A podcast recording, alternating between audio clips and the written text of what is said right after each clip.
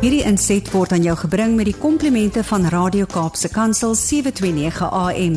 Besoek ons gerus by www.cape pulpit.co.za. Dis ons voorreg om ook vir jou inspirasie te bring op hierdie Maandag saam met meneer Jannie Pitter. Hy's 'n geestelike afrigter, skrywer, motiveringsspreker en hy's iemand wat jou graag wil kry om voluit te leef, om die avontuur van die lewe raak te sien in elke opsig en ons weet hy pas dit toe in sy eie lewe en die vrug daarvan is duidelik en ons kan nie wag om te hoor wat hy ook op hierdie Maandag met jou wil deel nie. Jannie, goeiemôre. Hallo Almarie, hallo Bradley, is lekker om saam met julle te kuier op 'n Maandag. Ons het eers vir jou 'n snaakse vraag want dis ons halftipe van vraag vir ons luisteraars vandag. Ons het gesê as Yes. as jy vir een dag jouself in die skoene van 'n dier kan plaas, watter dier sal jy graag vir 'n dag wou wees? En miskien hoekom as jy dalk weet. Sjoe, weet jy wat, daar's baie man. Die eerste een wat nou in my kop inkom Uh. Is 'n arend. O, oh, Ek, ehm, wow. Ek dink dit moet amazing wees om so goed te kan sien en so hoog te kan vlieg en Ja. en die beauty van alles te kan raak sien. En 'n ander een is 'n dolfyn. Jy weet, Ja. ek hou van ek het as 'n kind altyd gedroom om te kan vlieg. Ehm en ehm ook die dolfyn is onder die water. Dis dis 'n plek wat mense nie ken nie. Mm. So dis nogal maar mense as mens bietjie dink daaroor dan sal daar redes opkom hoekom jy ja. ander diere ook wil wees. Ek dink is fascinerend, maar is vir my om te kan vlieg sal uh, van incredible experience wees. Janie Brad het vroeër vir ons luisteraars gesê, "Maar nou net nie hoender, moet nou net nie hoender kies nie." En ek dink hy gaan baie bly wees hy het 'n arend gekies. Ek dink dit is 'n baie goeie keuse.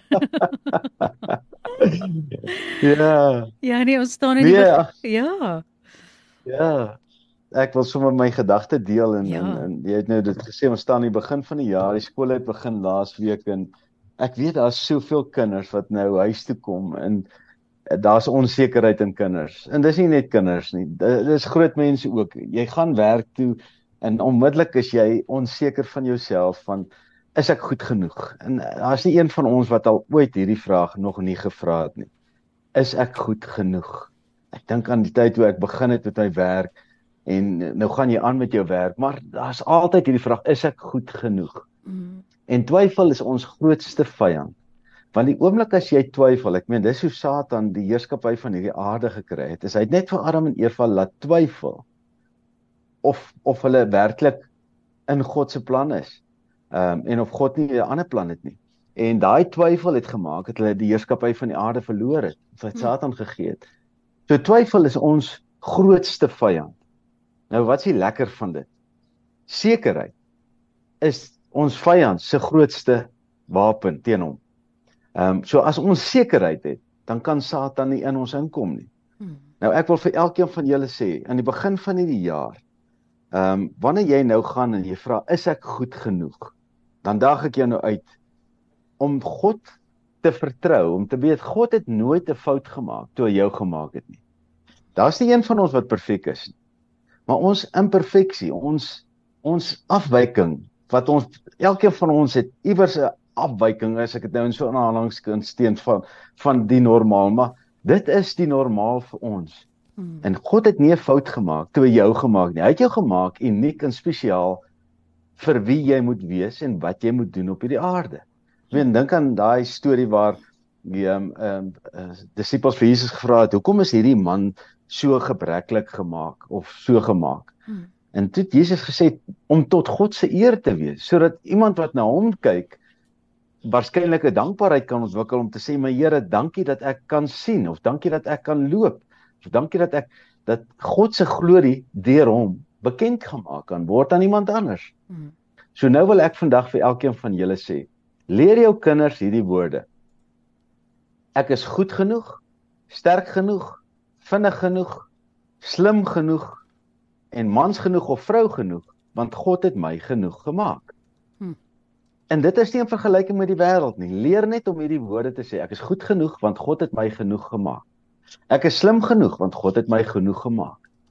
Want wanneer jy jou vertroue in God sit, dan beteken dit jy kan nie twyfel nie. Maar wanneer jy jou vertroue in jouself sit en in hierdie wêreldse dinge, dan gaan ons altyd met twyfel gevul wees. Hmm. So my wens is dat jy vir jou kind sal sekerheid leer. En sekerheid is Satan se grootste bedreiging want Satan haat dit as ons seker is van Hmm. wie God in ons lewe is. Janie, ek wonder So daar sê Ja, ek wil vir jou vra, jy wat dit so goed toepas in jou eie lewe, dit wat jy sê altyd weet ons, dit is die dissipline wat jy in jou eie lewe toepas. En ek ek kan sommer daarmee identifiseer as ek dink hoeveel keer het ek my al gevang dat daai ons weet ons kop is die ding wat baie keer in die pad staan en laat mense gedagte kry byvoorbeeld wat vir jou sê is nou nie goed genoeg jy is nie sterk genoeg jy is nie slim genoeg nie jy gaan nie hierdie kan doen nie of weet jy wat daai gaan nooit gebeur nie want dit obviously en dan vertel jy vir jouself allerlei goedjies.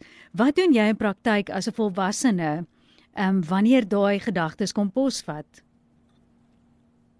Ja, Almarie, daar's net een ding wat ek doen. Um, en ek sê vir mense, ek is glad nie 'n realist nie. Inteendeel, realiteit is my 'n um, tydelike ding wat mense voor kan lag. Nou wanneer mense kan grappies maak oor realiteit. Nou ja, die realiteit is baie keer so in ons oog dat ons ons hoop verloor. Nou die sleutel tot geloof is hoop. So as jy hoop verloor dat jy 'n ding kan doen, dan is geloof onmoontlik, dan het Satan jou vasgevang met realiteit. Maar as jy 'n grappie kan maak met realiteit. Dit beteken kom ons sê jy wil 'n kar koop en jy het nie nou geld nie. Daar's nie jy het nie 'n salaris, jy het nie eers 'n werk nie. Maar jy maak 'n grappie en sê, "Weet julle wat? Die tyd kom wanneer ek daai kar uit die uit daai garage gaan trek en hy gaan myne wees." Nou lag almal vir jou want Mhm. ek meen jy het nie eers geld nie, jy het nie eers 'n inkomste nie. Maar ek het maar net 'n grappie gemaak met realiteit, maar die woorde is uit. Onthou nou het die woorde uit my mond uit gegaan. En wanneer jy daai woorde uit jou mond uit laat gaan, ander mense kan nou sê maar jy's belaglik of so, maar ek gee nie om nie. Mhm. Ek lewe liewer 'n lewe van lag vir realiteit as wat ek in realiteit 'n depressie slaan Sure. en ek sê nee, maar alles hopeloos. Ja. So ek dis dis wat ek doen. Ek ek is 'n grapmaker en ek maak grappe met realiteit want geloof is amazing en wanneer jou geloof jou realiteit word, dan kan jy verstaan maar realiteit is werklik net 'n tydelike ding wat Satan voor ons oop probeer gooi om ons hoop te steel. Mm.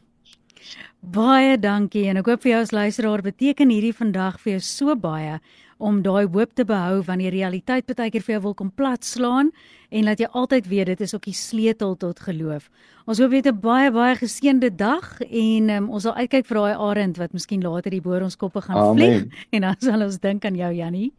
Jy met 'n Hou heerlike julle dag. dop. Dankie Albert. Bye. Seënde week vir julle. Bye. Hierdie inset was aan jou gebring met die komplimente van Radio Kaapse Kansel 729 AM. Besoek ons gerus by www.cape pulpit.co.za.